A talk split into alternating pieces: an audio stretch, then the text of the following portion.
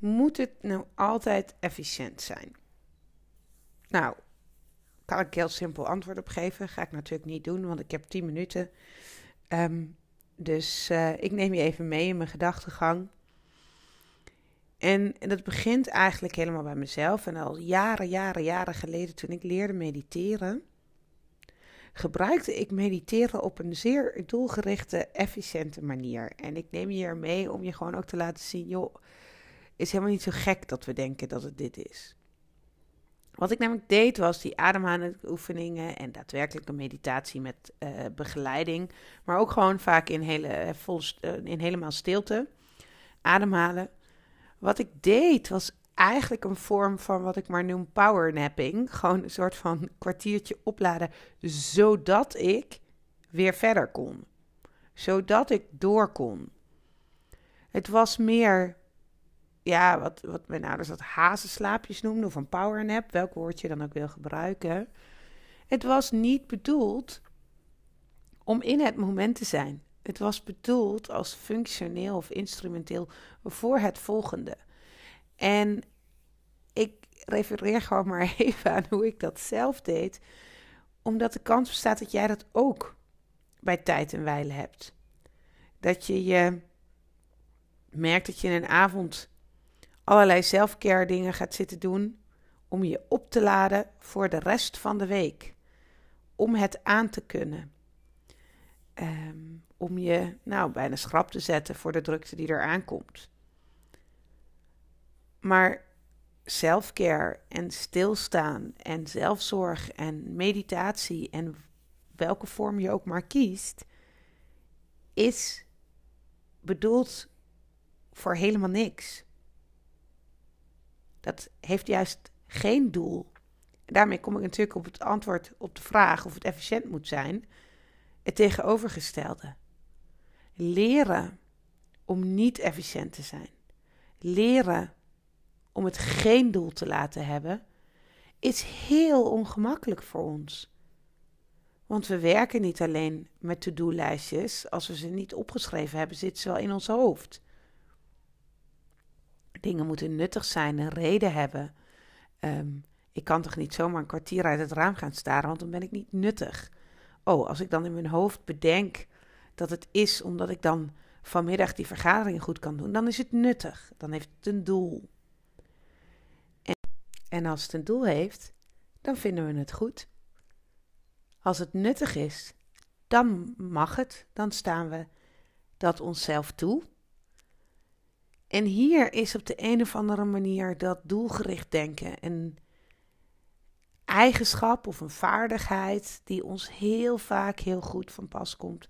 Waar we, tenminste als je naar deze podcast luistert, vermoedelijk extreem goed op gaat. Dat je ook heel veel aan hebt. Maar hier is het doorgeslagen naar een kant waarin het je niet meer dient. Want tot rust komen zodat je iets anders kan, um, blijft in je hoofd iets wat je moet, uh, iets wat je moet bereiken. Want wat nou als je dan heel erg tot rust zit te komen, maar het lukt niet? Dan komt daar een oordeel bij kijken, want het is ook nog eens onhandig. Hetzelfde als dat je de nacht voor een presentatie niet goed slaapt. Dan word je alleen maar gefrustreerder omdat je juist nu je slaap zo hard nodig hebt, zodat je morgen dit of dat kunt doen. En zo werkt het ook met rust. Als je niet tot rust komt, dan is dat gewoon soms zo. Want soms ben je onrustig en dan kun je nog steeds rust nemen, maar ben je onrustig in je hoofd of in je lijf. En dat mag dan ook zo zijn. En op het moment dat iets doelgericht is, mag dat niet meer zo zijn. En dan komt daar een oordeel bij en dan ga je jezelf naar beneden praten. Dan zeg je, zie je wel, ik kan dat niet. Of zie je wel, zo lukt het niet. En dan ontstaat er een verhaal wat je nog minder ten dienste is. Dus laten we teruggaan naar hoe je kunt zorgen dat zelfzorg, rust nemen, pauzeren, een doel in het zelf is, in zichzelf is. Het hoeft geen ander nut te hebben dan tot rust te komen. En de reden dat ik dit opneem, is omdat ik eh, van de week een reels plaatste op Instagram. Met uh, een korte ademhaling. Waarin ik zei: er gebeurt echt helemaal niks. Niks. En dat is ook de bedoeling. Dat er helemaal niks gebeurt. Het is geen ademhalen of even stilstaan of pauze nemen. Is geen magische truc tot een fantastisch inzicht. Is geen um, coachachtige oefening om een patroon bloot te leggen. Is geen ontlading van een hele gespannen situatie. Het is niets anders dan in zichzelf ademhalen in een rustmoment. En dat is super frustrerend voor sommigen van ons. Ik heb het moeten leren. Ik heb het moeten leren. En ja, ik gebruik nog steeds soms een pauze voor een powernap. En of ik daar dan een yoga nidra van meditatie bij gebruik. Alleen dan is het een keuze van mezelf. Hé, nu ga ik dit even gebruiken om op te laden, zodat ik zo dadelijk iets kan. Maar dat is heel iets anders dan al die andere pauzemomenten die ik ook heb. Die geen nut hebben. Die rust in zichzelf meebrengen. En ik grap natuurlijk heel erg dat dat in het moment niets voor je doet.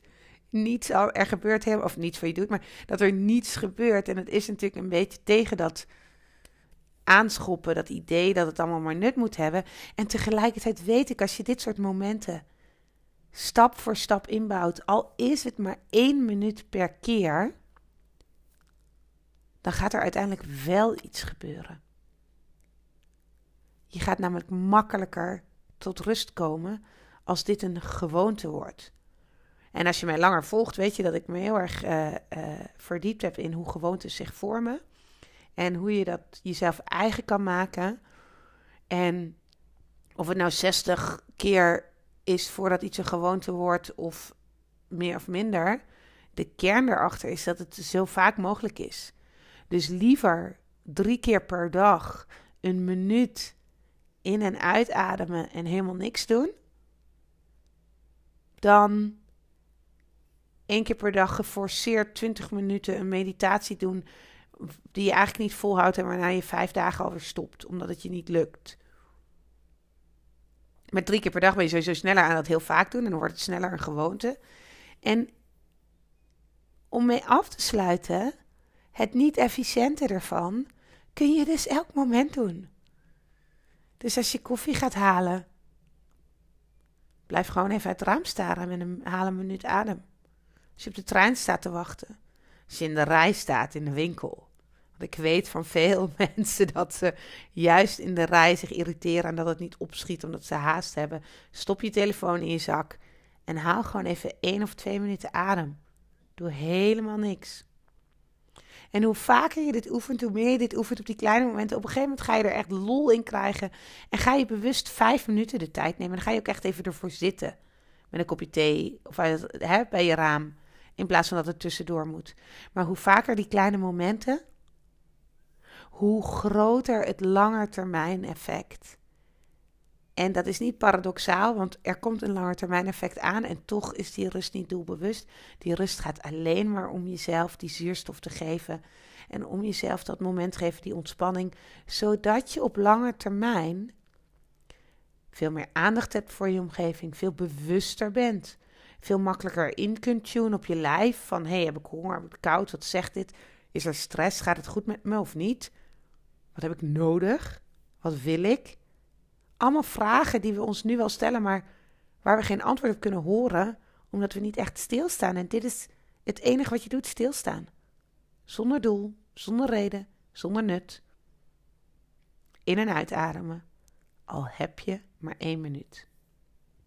En heb je nou meer dan één minuut, namelijk anderhalf uur, meld je dan aan als deelnemer voor de masterclass online zuurstof. Waarin ik je dit ga leren en nog veel meer. Ehm, en daar ga ik uh, binnenkort een hele podcastaflevering over opnemen. Je bent van harte welkom om mee te doen. En kaartjes kun je vinden via de link in de show notes. En hopelijk zie ik je dan. Dankjewel voor het luisteren en tot de volgende.